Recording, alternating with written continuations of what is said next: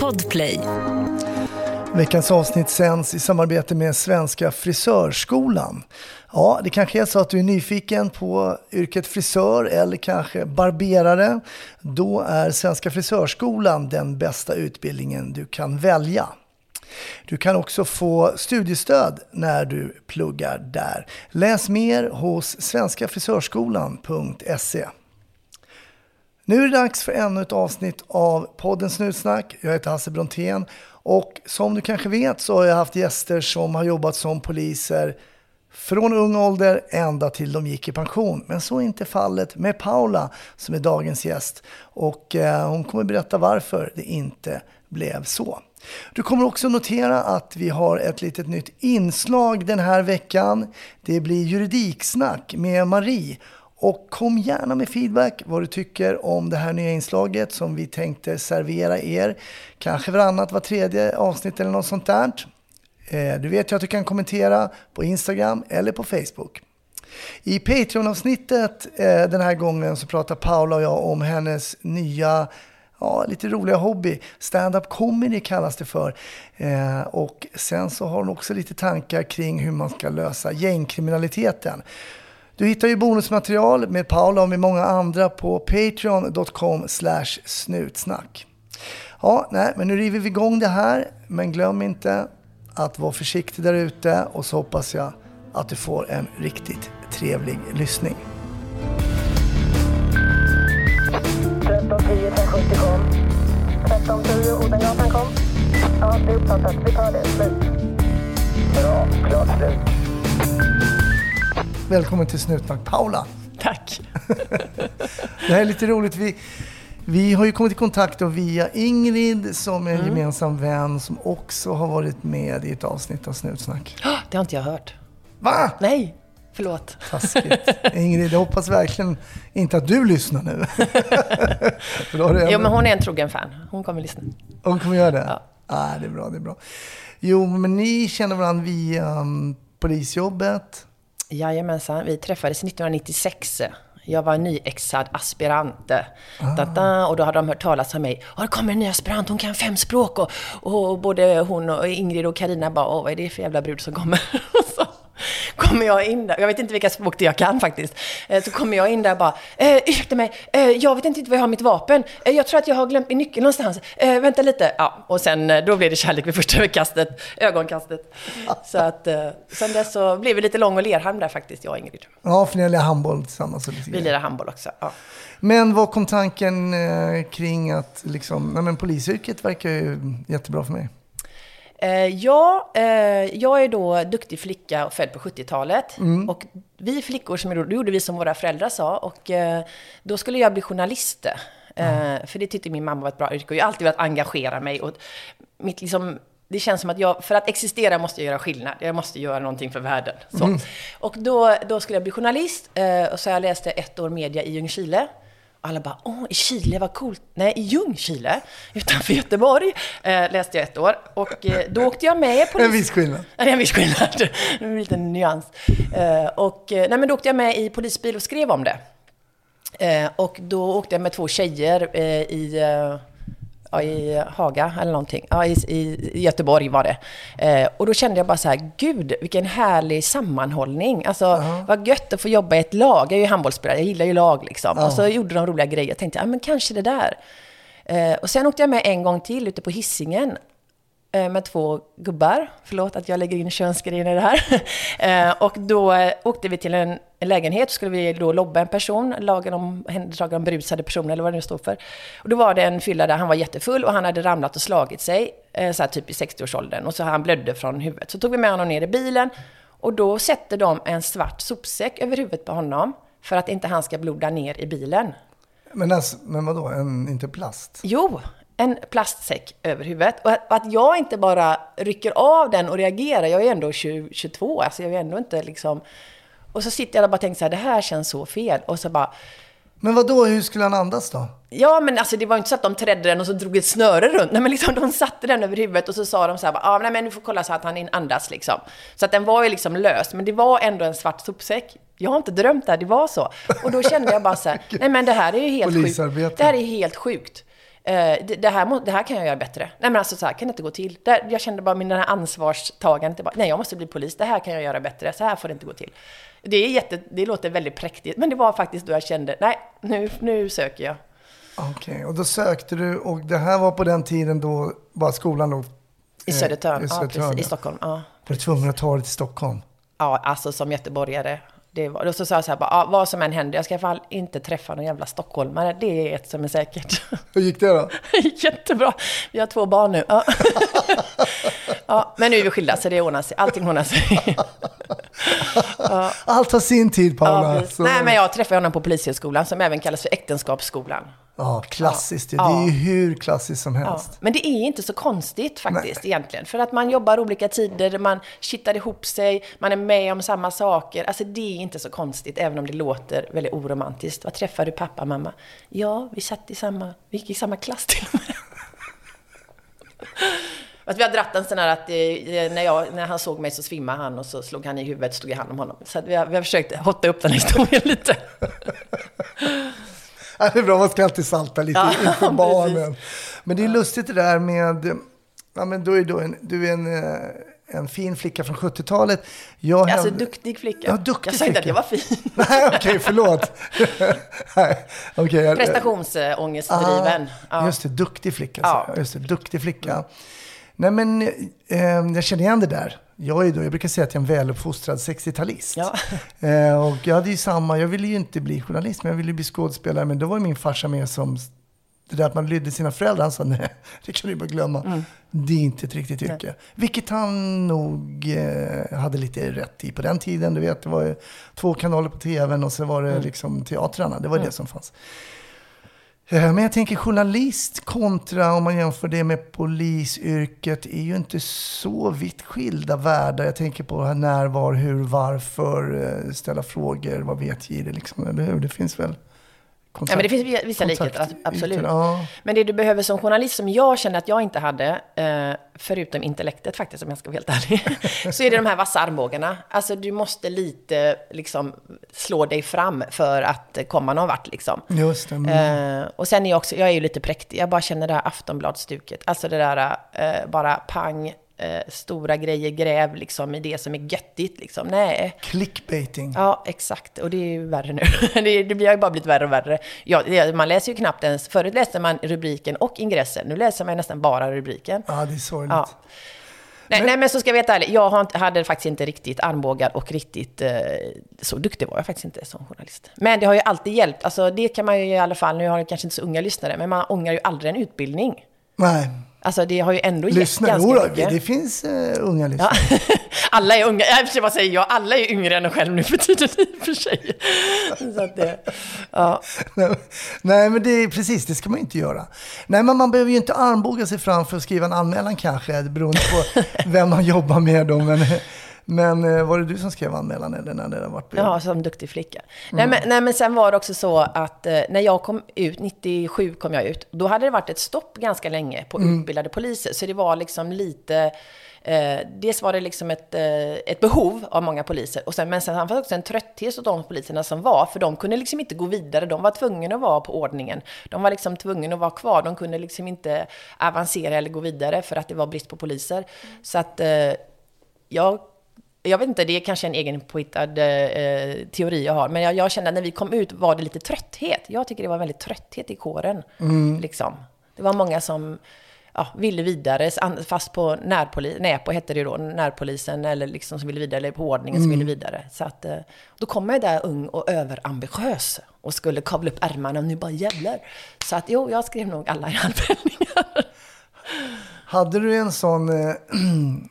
Eh, hade du en... eh, Jag säger det för att jag hade det lite grann. En lite så här... eh, Jag hade en ganska naiv och romantiserad bild liksom av att nu ska vi verkligen rycka upp den här stan ur träsket liksom. Och eh, precis som du säger, kavla upp ärmarna. Men sen när man märker att hur mycket man än kavlar. Jag tänker på hur det har gått, vad som har hänt också sen jag har slutat och sen du har slutat också. Det kommer vi fram till. Eh, så har det ju bara egentligen blivit värre och värre. men alltså jag var ju värre än så. Jag såg mig själv som en riddare på en vit häst. Bara galopp, galopp, galopp. Här kommer jag. Nu ska jag rädda er. Och framförallt så har jag alltid brunnit då för, för eh, vad, säger man, mindre bele- me- bemedlade eh, områden. Så bara, här kommer jag invandrarbarn. Jag ska rädda er från det här hemska, ta er ur det här. De bara, What? Vem är du? Vi behöver inte bli räddade. What? Och jag är uppvuxen med två föräldrar som, eh, som vet bäst, eller det vet väl alla föräldrar, men som bara gör som jag säger så blir allt bra. Så att jag kom ju ut dit verkligen på min vita riddare, eller på min häst där och så pekar med handen bara, men jaha, du blir slagen i din man, ja, men då gör du så här, du, då så gör du slut med honom och så flyttar du till det här boendet och så gör du anmälan och så du, du, du. Alltså jag, alltså gud, jag var jätte kategorisk och som, som du säger naiv. Alltså man bara, men om ni bara gör som jag säger så blir det ju bra. Men det var ju ingen som lyssnade och det är ju inte så enkelt för vi har med människor att göra. Jag vet, inte svart Därför var jag var ju för ung. Så på ett sätt kan jag önska egentligen att, att jag orkade bli polis igen för med den erfarenhet man har.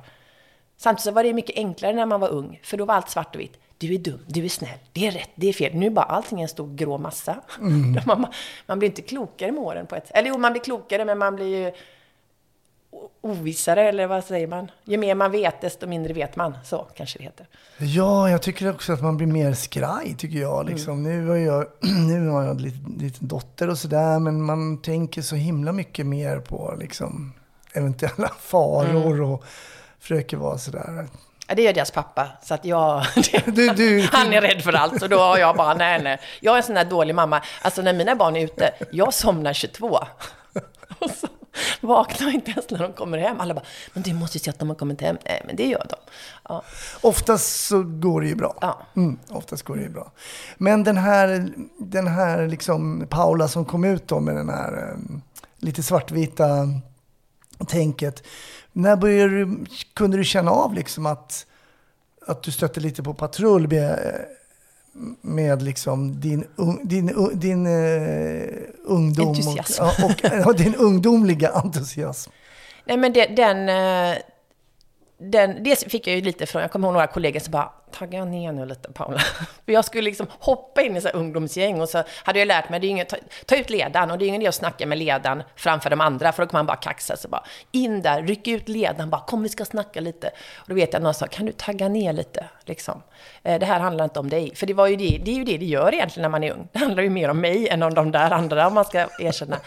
Men förlåt mig, din fråga. Nej men jag kan säga, det, jag nöttes ju ner. Alltså den, jag märkte inte det eh, förrän, förrän, inte det var för sent, men efter ett tag liksom, att hur, jag, hur cynisk jag blev. Jag blev jättecynisk. För det är ju väldigt, det kan man bli väldigt fort. Ja. Ny säsong av Robinson på TV4 Play. Hetta, storm, hunger. Det har hela tiden varit en kamp. Nu är det blod och tårar. Fan händer just nu. Det. är Detta är inte okej. Robinson 2024, nu fucking kör vi! Streama på TV4 Play. Ett poddtips från Podplay. I fallen jag aldrig glömmer djupdyker Hasse Aro i arbetet bakom några av Sveriges mest uppseendeväckande brottsutredningar. Går vi in med hemlig telefonavlyssning och, och då upplever vi att vi får en total förändring av hans beteende. Vad är det som händer nu? Vem är det som läcker? Och så säger han att jag är kriminell, jag har varit kriminell i hela mitt liv men att mörda ett barn, där går min gräns. Nya säsongen av Fallen jag aldrig glömmer på Podplay. På vilket sätt märkte du då att du blev cynisk? Eh, nej men jag har ju alltid vetat, det enda jag, jag vet inte vad jag vill bli fortfarande, fast jag är 51. Eh, men jag har alltid vetat att jag vill bli mamma. Men jag kände till slut att jag vill inte bli, jag vill inte sätta barn i den här världen. Den här världen är så hemsk och det kommer bara gå åt skogen och det är bara elände. Jag blev liksom, jag bara såg svart och då, och då just eftersom det var någonting jag visste jag ville som jag inte ville längre. Det var nog det tydligaste, att jag vill inte bli mamma. Den här världen är hemsk och det är den ju, men den är också fantastisk. Liksom. Eh, och sen också, och, och, och sen, eh, jag vet inte om det är manligt eller kvinnligt, jag vet inte varför jag drar in det hela tiden, men jag har en för- en förmåga att fokusera på det man inte kan förändra.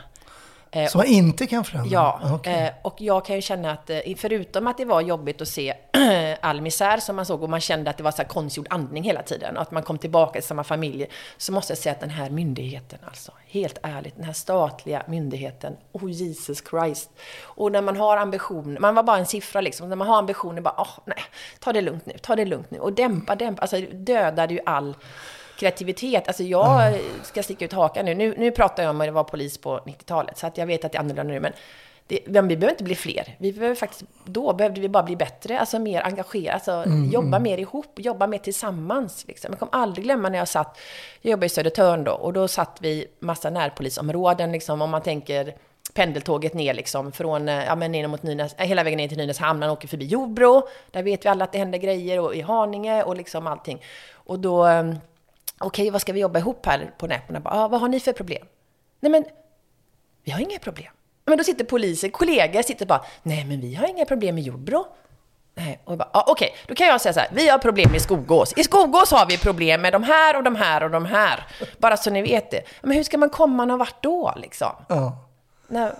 Ja, det är Ja, intressant. Nej, men jag, ja, jag känner faktiskt igen det och då kom jag ut precis i början på 90-talet.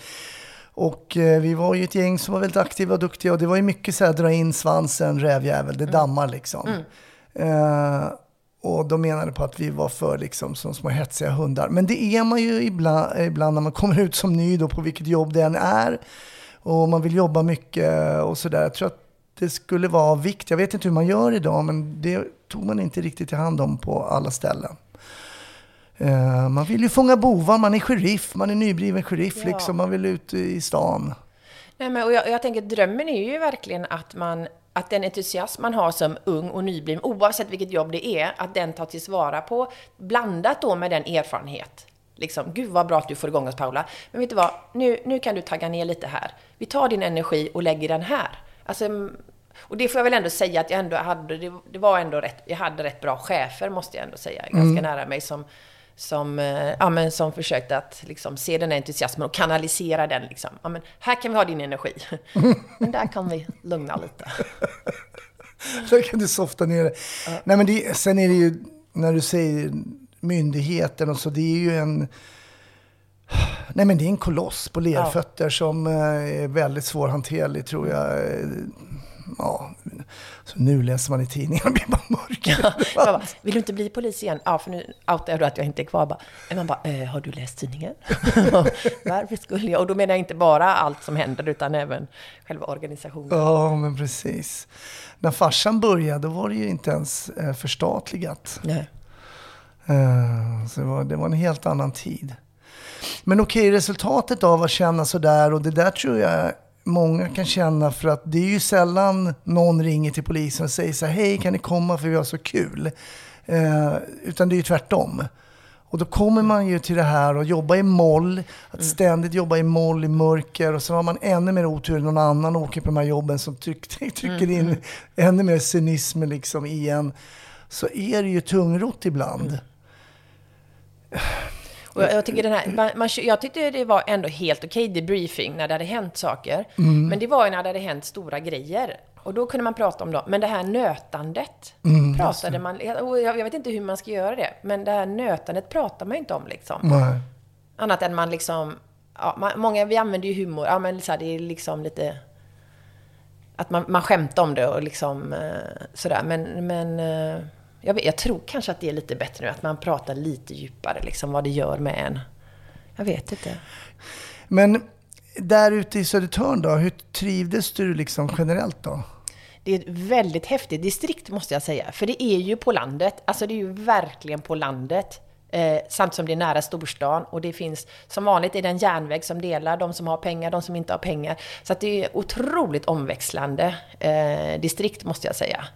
Eh, så att, och jag måste, jag, ibland när man pratar om polisen, framförallt förr, liksom hur mycket dåliga poliser. Det var ju lite det där baseball, alltså jag var, det var kanske några Det år låg kvar lite. senare. Ja, men det låg ändå kvar. Och jag måste säga att jag har faktiskt aldrig ärligt sett någon polis bete sig riktigt illa. Sen kanske man har liksom, ja, inte varit sitt bästa jag alltid, men jag har aldrig sett någon slå någon. Jag har aldrig liksom, det här liksom när man ska ge igen liksom och bonka och, eller, eller liksom, Övervålda liksom. ja, och sen klart att man efter ett tag blir lite, Alltså man får själv ett filter kanske. Mm. Men nej, så att jag måste säga att jag tycker att det ändå var bra folk. Det jag säger lite lata ibland. Eh, och liksom så. Men annars ett bra folk och ett roligt distrikt liksom. Eh, det måste jag säga. Det var, det var ett gott gäng. För Absolut. det där märkte jag snabbt latheten. Ibland var det, ju- hade vi eh, någon handledare och sådär och sen så gick det ut ett, i Stockholm gick det ut vad de kallade för allanrop till exempel och så var det ett jobb, det kunde vara av olika dignitet. Och då satt ju vår handledare höger fram och hade då hand om radion och bara satt med händerna på knät så här. Och man satt ju och brann där bak. Bara, men ta radion och bara svara på jobbet. Det är ingen som, vi sitter ju fyra aspiranter här och bara som liksom de andra tjurarna, men han var ju tjuren färdig. Han satt ju och luktade där under sin korkek och bara ville ju bara sitta och titta på folk liksom. Och det tyckte jag var fruktansvärt enerverande i början. Nej, och det hade vi nu. Känns som att jag vill inte snacka skit, för det, var, fanns så mycket bra folk. Men jag kommer verkligen ihåg en gång där jag var på, på det här när- närpolisen och det sker en trafikolycka. Eh, och det är ju inte närpolisens jobb, en trafikolycka. Eh, det är ju trafikpolisen. Så jag bara, ja men, jag, och jag bara kände, men vi kan ju gå dit upp. Alltså vi hinner gå till alltså, trafikolyckan innan trafikpolisen hinner hit. Nej, nej, det är inte vårt jobb. Ja, nej. Ja, ja. Och så en kväll, förlåt, jag måste bara, alltså en kväll när vi kommer, då är vi kanske så här 10 polis, 10-12 poliser på Näpot. Och så är det kväll. Och så bara, jag bara, gud vad roligt, vad många vi är, vad händer ikväll? Det är fotboll. Då är det fotboll på TV. Alltså, då, det, då ska 12 betala, alltså gud jag låter så präktig nu, men 12 poliser som skattebetalarna betalar ska titta på fotboll, om det ändå var handboll. Nej men då ska, de titta, då ska vi titta på matchen, för det händer ännu ingenting under matchen. Nej visst, det kanske det inte gör, men det finns ju alltid saker att åka på. Liksom. Då ska 12, alltså, jag är ledsen. Det, det är någon sån som sitter kvar liksom. Ja. Men det var inga elaka människor, det var goda människor. Det var bara att de blev liksom, man, blev, man blir trött. Alltså ihop, när man kör ihop oss i den organisationen. Det händer någonting med varje, för varje individ var bra och ambitiös och nästan alla ville bli poliser för att göra skillnad. Men sen händer någonting i den här stora organisationen, massan, att det blir något vått täcke av och det kanske, man kanske inte har tid med det nu. Det kanske är så mycket jobb nu och så lite poliser, jag vet inte. Men då var det ändå... Det finns ju mycket tror jag som gör att det där täcket lägger sig över en grupp. Liksom. Och det kan ju vara också det man gör, det ger inget resultat. Ja. Eh, de grejerna man får iväg till åklagaren resulterar inte heller i någonting. Folk går fria. Folk sitter häktade men blir friade, får höga skadestånd. Man blir så här, men, ja, men vad är det? Vad gör vi för nytta då om det blir så här? Eh, och det, det Och vad skickar det, vi ut då till vanligt folk som Exakt, inte ja, heller vill anmäla? Så absolut. ska vi, ja, Ja. det blir en ond cirkel liksom. Och folk, jag menar idag, jag träffade på någon som bara, "Nej, men jag sket jag anmäla det Mm. liksom. Jag hade inbrott i garaget. Jag bara, "Äh, vad ska jag anmäla det? Nej, men så känner jag varenda gång de säger anmälan har gått ner. Jag bara, ja det är ju för att folk inte orkar längre. De, de anmäler ju bara för att få ett papper Mm. till försäkringsbolaget. Eh, Och överstiger inte det då 1500, då orkar man väl inte ens det liksom. Nej, alltså värdet, precis. Så att självrisken. Ja. Men den här, den här grejen som, jag tänkte du, eh, när du börjar på polishögskolan, man vill fånga bovar och det ska vara lite biljakt och lite spänning och så här. Hur mycket blev det av det? Ja, alltså jag skulle vilja säga, till skillnad då från eh, eh, min exman då som jag träffade, han jobbade inne i stan. Då var det lite mer tjuv och polis. Det var lite mer anonymt. I Södertörn blev det mycket mer socialsekreterare skulle jag säga. Aha, okej. Eh, det är klart att det blev några biljakter på 73an ner. Eh, men, eh, men annars så skulle jag säga att det var väldigt mycket åka hem till folk och samma folk. Alltså jag kände att nu hamnade jag ganska snabbt på närpolisen då. Eh, så att jag kände att det blev ganska mycket socialsekreterare. Det blev inte så mycket tjuvpolis. Men å andra sidan så var det är ju där jag har hjärtat. Så att eh, på ett sätt var det väl dit jag ville också. Hur var det socialsekreterarjobbet då? Kan du ge ett exempel? Då? Du kommer till en familj och har det varit bråk eller var det varit... Ja, nej men precis. Jag kommer så väl ihåg en familj och då, då ringer då grannar då och, och, eh, för att det är eh, troligtvis blir kvinnan som blir misshandlad. Och så kommer vi in dit liksom. Och, och då är det ju en, en kvinna som har blivit misshandlad av, av sin man och så har de tre barn där inne liksom.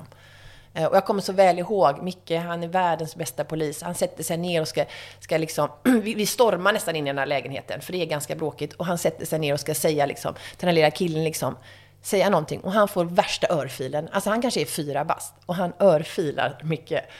Och jag vet att han, vi blev alla så chockade. Och det var ju bara för att han, han kom för nära. Alltså han bara kom in i deras, vi kommer in i deras hem och det blev bara för mycket för den här lilla... Så han, var ju, han gjorde ju ingenting åt det där. Det var ju bara låtsas som att det inte hände. Men då, och då bara, ja men då kom vi dit och så blir det ju då att man får sitta och, och prata med henne och barnen och allting och så tar man, tar man, tog vi väl dem därifrån och sen så två veckor senare, då kommer vi tillbaka. Och, eh, ja, och, och då blir man, och då fastnar man också på det här, vad fan gör soc? Vad fan gör sosse? Ja, och så blir man skitförbannad, för de tycker inte de gör någonting, de jädra mesar. Men de har ju också med människor att göra, de kan ju inte heller alltid tvinga. Men kan de vara tuffare ändå, tycker jag. Och inte sluta gömma sig bakom sekretessen. Den kan man bryta nämligen. Ja, det var väldigt mycket sånt. De får reda på allt från oss och sen, men inte Ja. liksom tvärtom. nej. Och det var nog, det tror jag faktiskt var lite enklare förr. Att men- man kunde prata lite mer öppet. För varför gör man det? För individens bästa, inte för något annat. Och jag tror man kan, jag tror att eh, många säger så här, ah, vi måste ha bättre lagar, bättre si. Jag, jag tror att vi ska vara bättre på de lagar vi har. För jag tror att vi har mycket mer utrymme än vad vi tror. Både i strängare straff, om det nu är något att eftertrakta, eller, bryta, eller liksom att kringgå sekretessen på ett lagligt sätt. Liksom. Sen är det ju rent vansinnigt, den här sekretessen som är... Jag nämnde innan vi började spela in här att det var Försäkringskassan de hade en dag. Och då var det de som hette, jag tror det heter särskilda utredningar. Det är de som utreder folk som eh, får bidrag som de inte har rätt till till exempel. Det dyker alltid upp i Expressen och vet, åh han kan gå liksom. Han var ju, Ja, nu är han på semester och kan gå. De får iväg väldigt, väldigt få grejer till polisen som ens går vidare till åklagaren. Ehm, men de får inte samköra register. Alltså, vi måste ju börja samarbeta för att få ihop vad Och folk så- pysslar med. Det tycker är så, dumt. intressant. Ja, och sen så bara, ja, du googlar på någonting. Jag googlar på en grej och sen bara, sen får jag 71 000 eh, eh, annonser om det. Mm. Och sen så, alltså jag, Google kan ju berätta allt om mig. Alltså allting delas. Så det är så konstigt. Alltså det var en konstig liknelse, men ibland kan vi dela allt och allting är helt öppet och ibland så är det ingenting. Liksom. Mm. Men ibland skulle jag vilja veta vad som hände om folk faktiskt delade lite mer. Ja, då får, det, finns det några prejudikat liksom? Alltså Ja. att, folk var, att folk var lite modigare. Vi fick ju inte, vi fick ju inte höra av oss till, till fogden när folk hade skulder och sånt. Men då, hade, då gick vi ju runt det. Då hade vi ju besök av en kronokommissarie som berättade så här, nej men anonyma tips är ju aldrig... Så jag ringde från polisstationen och gav ett anonymt tips om att i, på polisstationen i fack 7 hos vakthavande befäl så ligger det nog 69 000. Ja, då åkte de dit och hämtade. Alltså det är ju så töntigt så det inte finns. Men det är det helt Men liksom, det är ändå så här yrkeskriminella. Alltså de har det är ju deras jobb. De är ju skitduktiga på det. Om vi då ska sitta med våra redskap kvar sen, sen 50 år, det går ju inte. Vi måste ju också utveckla. Ja. Nej, helt otroligt faktiskt. Helt otroligt. Nu bryter vi av för lite juridiksnack med Marie Wallin. Ja, kära lyssnare, där bryter vi av avsnittet lite grann. Det är dags för ett nytt inslag i Snutsnack, nämligen juridik med MV. Varmt välkommen Marie Wallin från rätt, rättnu.se. Ja, tack. Så här är det, du har ju varit gäst i avsnitt 270 av Snutsnack. Ja, stämmer. Där pratade vi mycket juridik. Ja. Men för, om, okej, vi säger så här, för de som inte lyssnade på det avsnittet, kan du bara hisspitcha eh, eh, vad du har gjort? Vem jag är? Ja, precis. Nej, men Marie Wallin då, eh, med initialerna MV. Ehm, Precis, Snutsnacks GV ska Ja. och eh, nej, men jag är då jurist med bakgrund som åklagare och även jobbat inom polisen. Så det, här, det var därför det var roligt med snutsnack, att jag kände att jag har jobbat mycket med snutar och eh, i de frågorna. Och nu i mitt egna företag Rätt Nu då, så håller jag fortfarande på att utbilda poliser eh, och även andra, men liksom om juridik och straff och processrätt och eh, ja, mycket koppling mot finansiella brott, men även relationsbrott och sexualbrott och sådär. Så skriver läroböcker och jobbar som målsägandebiträde och Ja, Men superintressant och det var ju så att när vi träffades så kom vi på, men ska vi göra någonting ihop här? Och då kom vi på att vi kanske ska göra en liten, som en faktaruta, fast om du tänker i en tidning så Ja. är det en, en digital faktaruta. Där du med din kunskap ska presentera lite intressanta fall, eh, juridiska fall och där också förhoppningen att våra lyssnare ska kunna höra av sig och få svar på om de har några juridiska eh, spörsmål. Så du som lyssnar nu, du får gärna komma med feedback vad du tycker om det här inslaget. Och jag vet att du Marie idag har med dig någonting som ja, för mig i alla fall, ganska nytt. Jag känner igen eh, ordet. Kronvittne. Va, va, hur kommer det sig att eh, du tänkte på det här? Ja, men det är ett rättsfall som kom från Högsta domstolen ehm, i, precis i års, ja, slutet av december. Som tar upp 22 alltså? Ja. Ja, precis. Så det är lite, har, har någon månad på nacken. Men just att det är kanske inte det det står om i alla tidningar eller så, men utifrån den paragrafen som handlar om det här med att man liksom hjälper polisen i en utredning. Och kronvittnen, det är ju det här när man pratar om någon annans skuld. Ehm, men det här rättsfallet, det handlar liksom om att man pratar om sin egen skuld, men ändå liksom hjälper polisen och med det att man då kan få ett sänkt straff. Okej, du, du berättade för mig att den här domen då är så kallat prejudikat. Och Ja, det är som då får väl jag fråga dig om vi börjar där. Liksom. Eh, vad då prejudikat? Ja, men det är ju sånt där begrepp som en del slänger sig med utan att förklara det. Och då kan det ibland bli att man tänker att man inte behöver förklara det. Men samtidigt är det jättebra ibland att stanna upp och vad, vad är prejudikat? Och det är just att Högsta domstolen har ju den uppgiften att vara vägledande. Att de dömer ju inte av, tingsrätten och hovrätten har ju mer så här, vi ska lite mer producera rättsfall. Men sen om man ska få någonting till Högsta domstolen så måste man ha så här prövningstillstånd. Och då tittar de ju igenom, är det här någonting som är principiellt viktigt och att det då ska kunna vara vägledande till oss lägre i, i rangordning, hur vi ska använda de här paragraferna. Och då har man hittat det där ordet prejudikat. Så att om man ska vara, liksom det här juridikspråket, då, Högsta domstolen har kommit med ett prejudikat, ja, en dom. Just det, Ja. för deras eh, domar är helt enkelt en vägvisare för lägre rätt. Ja, och samtidigt är det ju också bara en dom i ett enskilt fall. Så det är ju fortfarande bara så här, de uttalar sig bara om det fallet ändå. Så man får ju ändå inte dra för långa slutsatser av, ja men då kommer det bli så här i alla fall. Men det är ändå så här, som i det här fallet, då berättar ändå domstolen att, men okej, i den här specifika situationen så tyckte vi då som högsta domstol att de här personerna ska få lägre straff. Men Ehm, finns det alltså en, står det, alltså har vi det i lagen sådär, i någon paragraf? Ja. Så att du kan få sänkt straff. Var, var hittar man det? Då är det i ett kapitel i brottsbalken, 29 kapitlet. Och det, i och med att vi fick in, för det är det här som är lite, i, i vanliga fall ehm, så har man bara haft möjlighet att kunna få liksom, lägre straff om man berättar om sin egen brottslighet.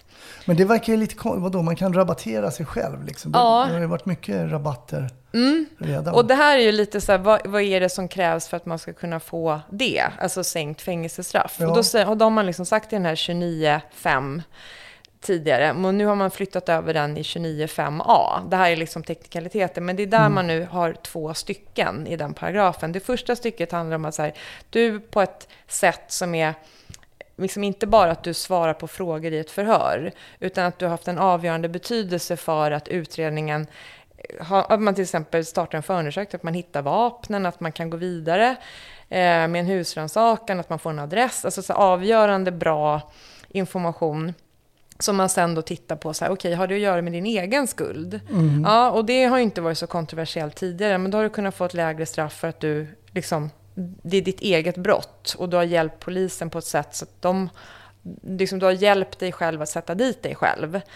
Eh, Men hur var det Ehm. i det här eh, fallet som har Jo, men då var det en, en sån, och det är det som är skillnaden, bara för att säga det här med kronvittne, det är ju att du, att du liksom berättar om någon annans brottslighet, där du själv också är en del och då kan få lägre straff själv. För det känner man igen från amerikanska filmer och Ja, sådär. Ja. och det är det som är det nya i Sverige, då, det här som är andra stycket i samma paragraf. Och det är det här när du liksom berättar om annans brottslighet, som man då säger kronvittne, och att du då ska få strafflindring i det.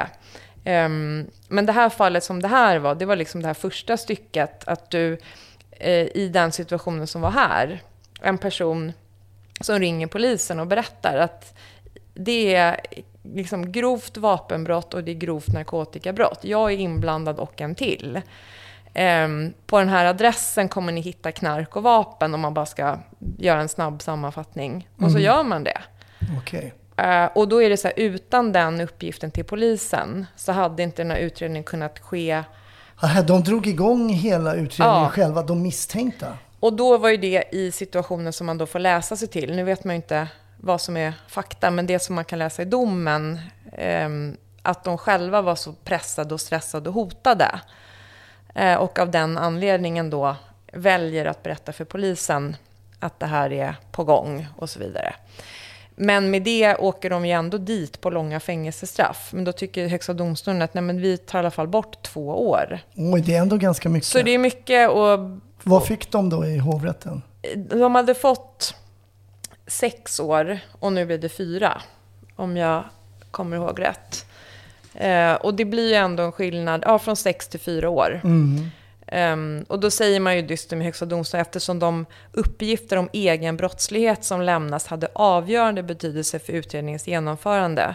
För att de kunde säkra bevisning och för att det överhuvudtaget inleddes en förundersökning. Mm. Det, det, det kan man ju köpa, det är ju verkligen viktig information då. Mm. Och det är därför också viktigt att det är inte varje gång man hjälper polisen som man då kan förvänta sig en strafflindring. Nej. Och det är det där som ibland kan bli att man drar för långa slutsatser. Ja men okej, så hjälper man polisen, då ska man minsann få rabatt. Att det Ja, blir just det. för, för, liksom för långa... Utan det är så här, i den här situationen som var så allvarlig brottslighet och så allvarliga uppgifter som de kunde lämna till polisen. Eh, ja men då ska de få någonting tillbaka. Men då, då har vi ännu inte något prejudikat vad gäller att eh, gola ner någon annan. Ja, inte på samma tydlighet där, utan det är fortfarande med att vi väntar lite på mer hjälp i hur man ska bedöma de där frågorna. För det är ju väldigt, väldigt vad du nämnde någonting där, att man kan inte få liksom sängstraff bara för att man liksom sitter i ett förhör. För många idag Inga säger kommentarer. ju Ja, ingenting nej. förrän det är dags för, dags för till exempel tingsrättsförhandling. Då. Mm. Och det är väl därför det är viktigt att säga att den här situationen är väldigt speciell. Och det kan vi bara, man pratar om det, det blir grovt narkotikabrott och grovt vapenbrott. Det blir ändå långa fängelsestraff. Och det de gör är, hej polisen, ett brott är, är liksom här och nu som inte ni skulle upptäcka troligen annars. Mm. Eh, Men de menar ju utifrån, som jag förstår, att de var så hotade och rädda. Så att det som kanske annars låg i, i risk var att de skulle dö. Alltså, ah, mm. de kände, ja Mm. det fanns så. De, Mm. Hellre liksom fyra år i finkan, eh, sex då, Ja, i möjligen. Mm. än att eh, fortsätta med Mm. den här eh, aktiviteten Mm. med fel typ Det verkade vara, när man läser mellan raderna, att det var väldigt rädda personer. Ah, jag fattar. Så att det kanske inte var det fina syftet att åh, nu ska vi se till att eh, det här... Rättvisa Nej, skipas. men jag tror... Människan är väl egoistisk av naturen. Men, alltså det är det, men, men det är det man lite bortser ifrån. Det spelar liksom ingen roll motivet för att du gör det, utan rent Nej. krasst och fysiskt i den här situationen så hade inte polisen gjort husrannsakan och hittat det här om inte de där samtalen hade kommit. Nej. Ehm, så det är ju liksom att det här tipset är ju väldigt bra, men bara att det också blandar in egen skuld. Just det. Just i det här Mm. fallet var det just egen skuld. Ja.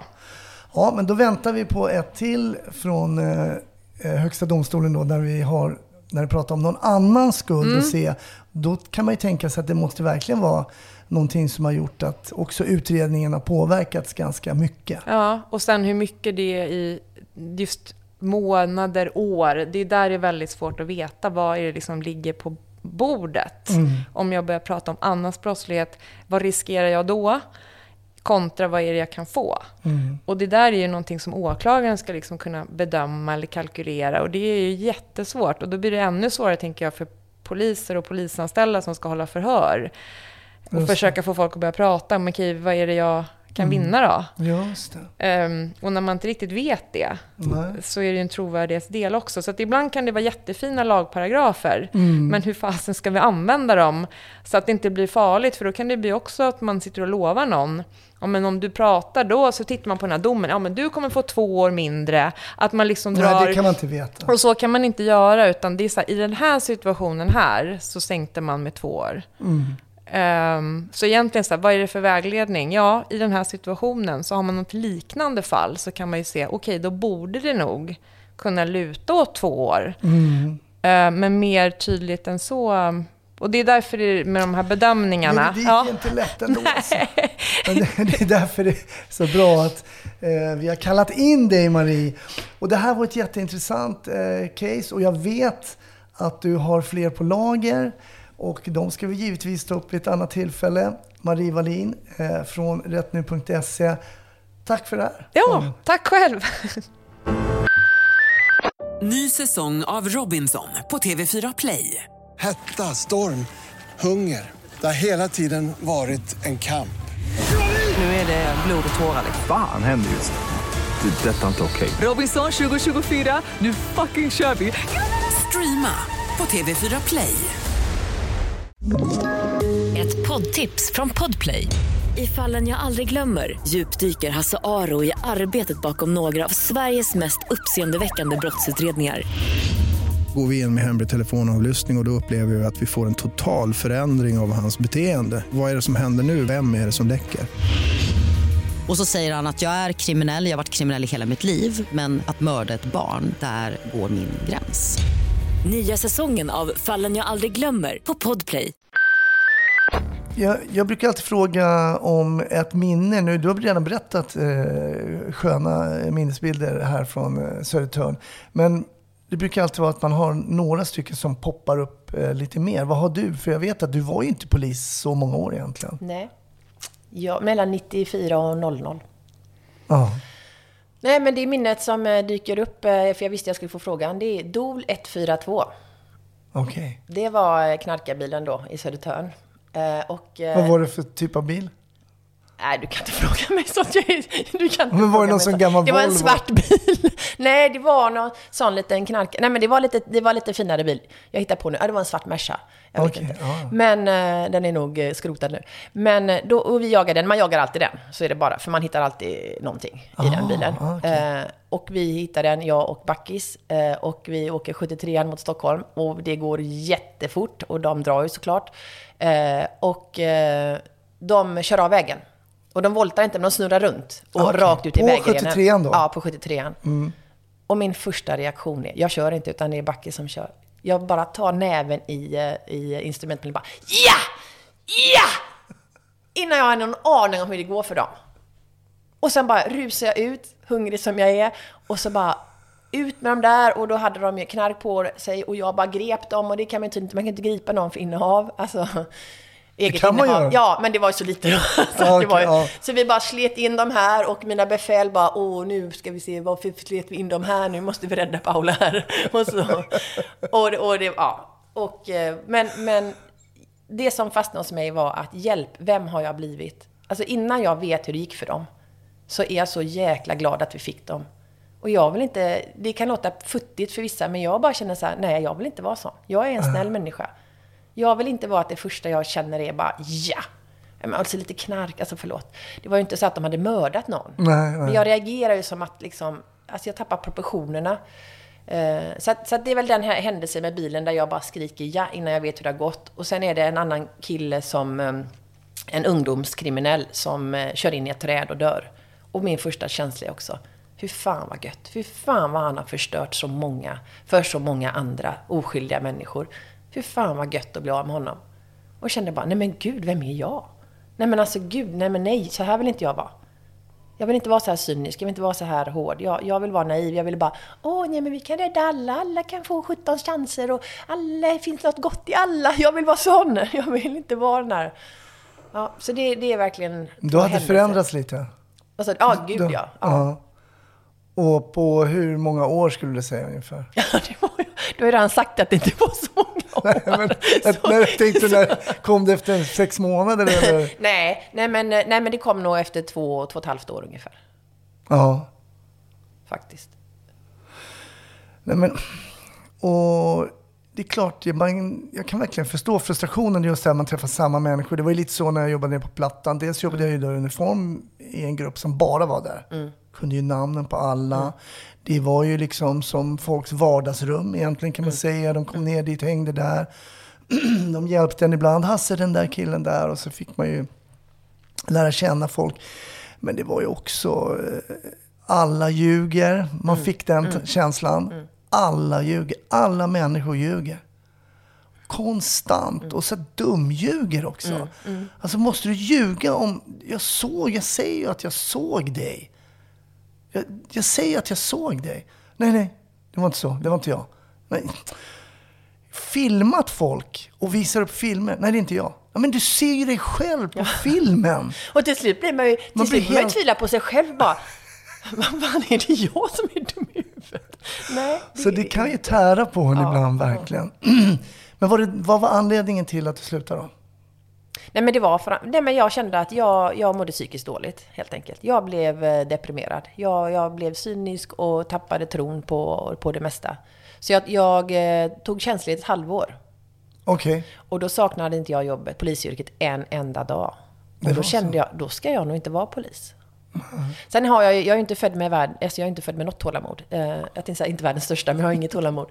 Så att när jag, och sen då när det hade gått ett halvår, då fick man ju inte vara mer tjänstledig. Då, och då hade jag en kontakt med någon på personal, någon polis på personalen där som sa att, så, men jag, jag kan tänka mig att gå tillbaka, men jag klarar inte yttre tjänst. Jag klarar inte att möta eh, misären nu, utan då får jag någon annanstans. Och då var det just det här att det var lite brist på poliser, så bara, nej men det finns bara yttre tjänst.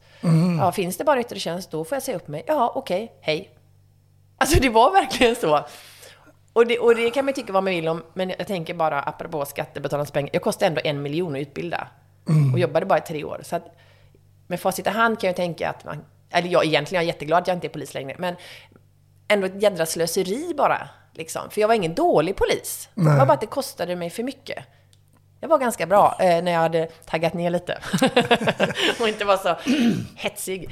Men... Eh, Men din klasskompis då, som eh, du blev ihop med. Ja. Tyckte, vad, vad, vad, vad tyckte han om det här liksom? Äh, Kom igen nu eller gör som du känner. Oh, eller han hur skulle nog säga att det bästa jag gjort var att sluta inom polisen. Alltså, nej, men jag, bli- nej men all energi la jag, som duktig flicka, då lägger man all energi på jobbet. Mm. Så att, eh, eh, så jag var ju ingen rolig hemma och inte glad. Aha, okej. Men jag blev ju glad sen när, vi, hade- när jag hade sagt upp mig och vi fick ju två jättefina barn. Så att eh, det löste sig ju till slut. Vä- Och, och, han, och va- varför han är kvar, det är ju, tror jag, för att han har förmågan att fokusera på det som går att förändra. ja. Eh, och så, ja, men han är också jättefrustrerad ibland inom myndigheten. Men han, eh, han kör sin inne och han tuggar på liksom. Det, Jag tror faktiskt man ska, det kanske låter lite, men jag tror man ska ha kurs i, jag vet inte kurs eller vad man säger, man måste bli mer mentalt förberedd på man borde sudda ut lite av den här bilden som man har. Eh, Man behöver inte vara ung för att ha den, att vilja förändra och komma ut. Men det kanske kommer vara så att du kommer inte se rent visuellt någon skillnad Nej. på samhället eller det området som du jobbar i. Och det ska du vara liksom, eh, du ska vara förberedd för det. För det, det tror jag tar på många. Att liksom. Ja, vadå, jag har ju slitit, det är övertid, det sliter på. Vi har gripit nu liksom, varje pass så griper vi folk. Händer absolut ingenting. Nej. Nej, och sen också blandat med det nu när du sa det så kommer jag bara tänka på, jag tänker så här, vad, vad drabbas de flesta av i, i hela Sverige? Ja, inbrott. Ja. Och så då tänka på att, att om du möter en som får inbrott på ett bra sätt, för, för det, är så, det är det tråkigaste, det är ju fasen det tråkigaste jobbet att åka på. Inbrott, det kommer aldrig klaras upp, Inget, det är ingen spänning för det, de har redan försvunnit och så är det bara några som är ledsna och så tycker man att det här är inte så farligt, herregud. Eh, varför är ni så? Men om man gör det bra, så tänk vilken impact det får på dem. Liksom, Att man verkligen tar det seriöst. Nu tror jag man tar det seriösare nu än på min tid, liksom, för det finns mer teknisk möjlighet att få fast folk. Men att, att liksom, det spelar också roll. Alltså varje litet möte du har. Det spelar roll för den här lilla individen.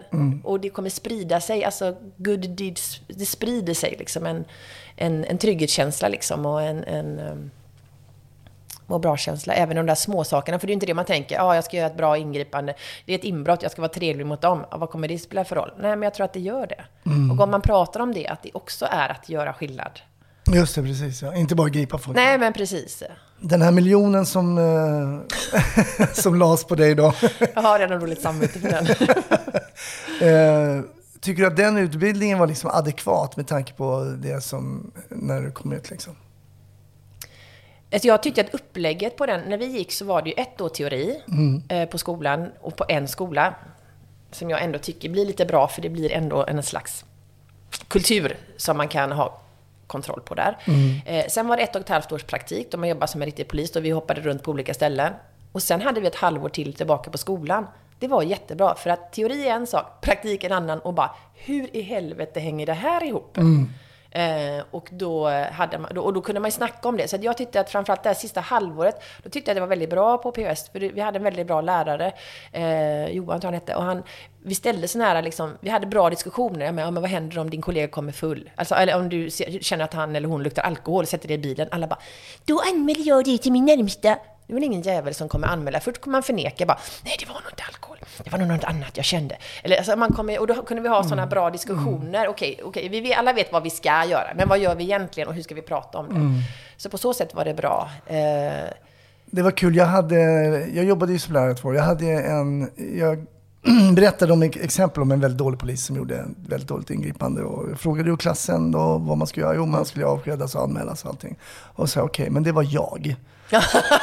Eh, och eh, det blev ett ganska bra eh, uppvaknande liksom. Det var inget så här att ah, han stal, det var inget så. Men det var, jag gjorde, jag, alla har vi gjort mindre bra ingripanden. Eh, och gjort saker som inte var 100%. Och då tror jag att man får börja tänka lite grann att det är precis som det du sa i början här av avsnittet att det är liksom inte svart eller vitt. Det kanske man tror ibland. Människor så komplext. Eh, ja, vad gör du? Någon snor godis från en godisskål vid en husrannsakan. Ja, jag anmäler till närmsta förman. Ja, det är vad du ska säga. Jag vet det. Men vad kommer hända då? Kommer du göra det? Eller kommer du ens våga ta upp det? För att han är ju tre år äldre i tjänst än vad du är. Tog han verkligen, vadå? Tog han ett vinegum eller vadå?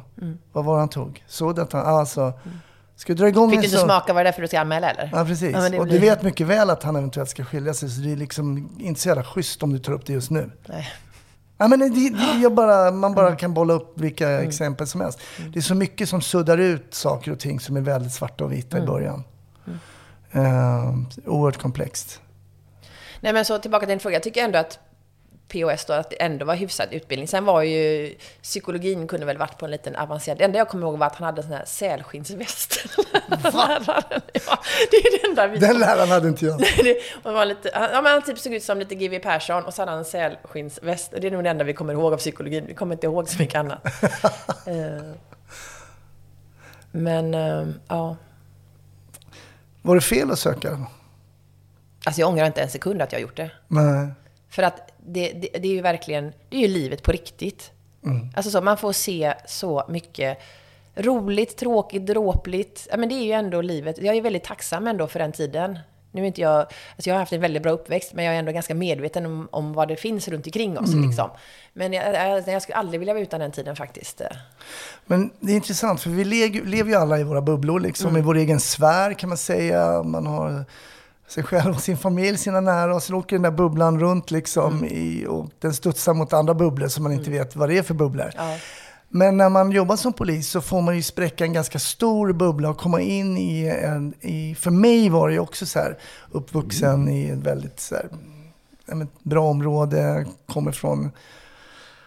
Eh, nej men, inget problem egentligen. Ja, Okej, det är sanning med modifikation. Ja, men alla har vi vårt. Ja, precis, precis. Men jag blev ju väldigt chockad av vissa saker. Mm. Liksom. Komma hem till människor, inse att liksom, kan man ens, och då pratar jag inte ens om att bo, kan man ens vistas Mm. i en sån här bostad, lägenhet till exempel. Gå ner, jag var ju på en sån här, du vet, sen när jag började på GLG så sparade jag, jag hade ju så långt hår och långt svart hår liksom och sådär. Och skickade ju ner mig på såna här klubbar, du vet, här där Nej, men skick- skickade ju ner mig på någon sån här på bögporrklubb en gång så att jag kunde inte sova på hela natten. Utan man hade varit med döda människor och trafikolyckor och allting. Men jag kunde inte få ihop det. Jag kunde inte få ihop det ens liksom. Det är så lätt om någon, ja, men någon har blivit knivhuggen, ja, men då förstår man, det blöder exakt, och allting. exakt. Men vad håller ni på med liksom? Gå ner i den här källaren och det var, ah, det var så, för mig var det, det var Nej, men vad, helt vad folk ut, skumt, alltså. utsätt, utsätter sig för. Alltså, Helt crazy, och det alltså. var ju jobbigt när man var ung. Man bara, men det där är ju inte bra för dig, gör inte så. Så att det har ju verkligen, nej men det har verkligen skapat en jättestor förståelse. Alltså, eh, för vad människor accepterar, eller vad de liksom, vilka val de gör. Nej, jätte, nej, den vill jag inte vara utan, faktiskt. Och sen så, så vad man, man lärde sig också liksom vad, vad folk, eh, ja men hur mycket kulturen och de man liksom växer upp med, vad de betyder.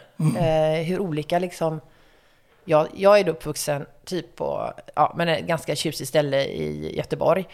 Men jag är uppvuxen med en ensamstående mamma. Så ekonomiskt har vi inte haft det så bra, men jag har haft, liksom, hon har haft kultur och litteratur och, och, liksom, och pengar ändå. Jag, och eh, det var först när jag läste sociologi jag fick lite ja, prestationsångest när jag skulle läsa lite på universitetet av någon jävla anledning.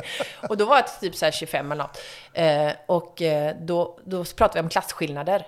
Eh, och då var det så här, ah, jag vet inte om det här med arbetarklass eller medelklass eller sådär, jag vet inte riktigt vad jag ska kalla mig. Så sa jag det att jag är liksom ekonomiskt sett är arbetarklass, men liksom kulturellt bara. Och då är det en tjej som säger så här, ja, ah, min morsa står vid bandet och farsan sitter inne, räcker det som arbetarklass för dig eller? Och jag bara, oops. Och vad vill jag säga med det här nu då Hasse? Jag tappar bort mig lite där. Men jag tror ändå, just, jo men när man kommer ut där till de här ungdomarna framför allt liksom. Hur de inte har en tro på sig själva, hur de liksom inte tänker att de är värda någonting. Liksom. För jag är ändå uppvuxen med att, ja men vill du så kan du. Och, du och du kan och du får. Och det är din rättighet. Att, eh, det är både din rättighet och skyldighet att du måste göra någonting med ditt liv. Men var är hindren för ungdomar idag? Det finns ju utbildning. Nej, men det, är ju finns... psykologi. Alltså det är ju kultur. Alltså det är ju deras inre... Tror jag. Sen så, det, apropå bubblor, herregud. Det, är- jag vet inte. Det är, jag vet inte hur mycket fördomar det finns där ute. Oj, oj, oj. Det Jag sa ju precis till dig, jag, jag söker jobb nu och så heter jag Jägers i efternamn och jag har inte fått komma på en enda intervju på typ eh, tre månader. Jag bara, nej, det är, jag är för att jag är blatte. Det är för att jag är invandrare. Och det, Glöm inte kvinna också. Ja, ja, ja, fan, ja just det, det också. Ja. Eh, och det kan man ju skoja om, men jag vet inte alla de här eh, som säger att de inte får komma på intervjuer och jobb bara för att de är invandrare, och, eller män eller kvinnor eller en viss ålder. Ja. Eh, jag tänker att nej, men så är det ju inte. För, för att det är bara du liksom, men ja, ja jag vet inte längre. Nej, det är inte lätt. Det är inte vet jag lätt. inte vad vi kom in på, men... Nej. Men eh, jag tänkte vi ska surra vidare, fastän tiden går ju otroligt. Men jag vill ju veta vad som hände sen. Vi, vi, ska- Ja, en det ska cliffhanger. Ja, en cliffhanger. En cliffhanger. Men eh, det, det tycker jag mina eh, Patreon-lyssnare ska få reda på, vad som har hänt med ditt liv efter polisyrket. Mm. Men det är kul, du säger att du ångrar inte i alla fall. Eh, tycker att det var viktiga år eh, eh, i, eh, hos polisen. Skulle du kunna ge några råd till någon som kommer ut idag, ny, kanske känner, men jag är också lite naiv. Som Paula var när hon kom Ja, ut. precis. nej, men jag jobbar ju i skolan nu, i gymnasiet, och då brukar jag fråga dem, då säger jag, "Ah, är det någon som vill bli polis? Ja, säger de. Och då säger jag så här, titta på den tunna blå linjen på SVT. Om du fortfarande vill bli polis och du blir nyfiken av det, eh, då ska du söka. Om du känner, "Ah, åh fy fan, vad var det här för någonting? Då ska du inte söka. Eh, så att eh, jag som nybliven polis kan nu titta på den tunna blå linjen och se då eh, de som har blivit väldigt cyniska där. Vill jag bli sån? Eller vill jag inte bli sån? Och det En betyder del- inte att man ska sluta, men nästan att Nej. prata, prata om va- varför, varför, blir folk... Eh... Nej, men jag tänker egentligen att, eh, gud, det låter ju jätteklyschigt. Nej, men alltså, eh, prata, inte bara med poliskompisen utan andra, prata om vad du upplever och vad du känner. Och våga blotta dig, för att vi är, inte, vi är ganska lika allihopa egentligen på ett sätt. Så har du känt en känsla så jag lovar dig att du är inte ensam om den liksom. Nej. Och fokusera på det du kan förändra. Var glad över det lilla du gör. Var nöjd med det. Det räcker jättelångt. Nej, gud, åh, Nej, men halleluja. det, nej, men det, det är väl kloka ord. Eh, är det tunna blå linjen, är det bara den du har kollat på i polisväg? Jag kan säga, jag har inte ens jag har kollat ett avsnitt. Ja. Sen gick hela systemet gick igång. Jag mådde dåligt direkt. Vad gör du? Då kollar du inte på polisfilmer överhuvudtaget? Det gör jag faktiskt. Vad gör du på fritiden då? Vad gör jag på fritiden? Jag spelar handboll. Ja. Så vet jag en annan grej du har börjat med lite grann också. ja. Ska vi spara den eller? Nej, vi kan säga att du har börjat köra lite stand-up. ja. Kul. Det pratar vi vidare om. Toppen. Tack eh, så jättemycket Paula. En helt eh, ny eh, vinkel in kring eh, yrket polis, att vara polis och jobba som polis. Eh, tack så jättemycket. Tusen tack för att jag fick vara med.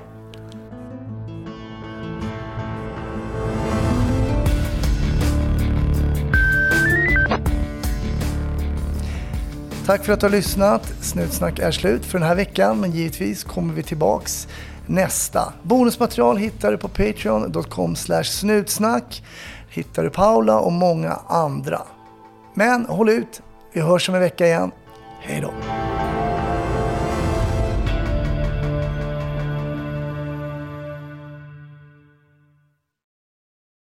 Ny säsong av Robinson på TV4 Play. Hetta, storm, hunger. Det har hela tiden varit en kamp. Nu är det blod och tårar. Fan händer just nu. Det. är Detta är inte okej. Robinson 2024, nu fucking kör vi! Streama på TV4 Play.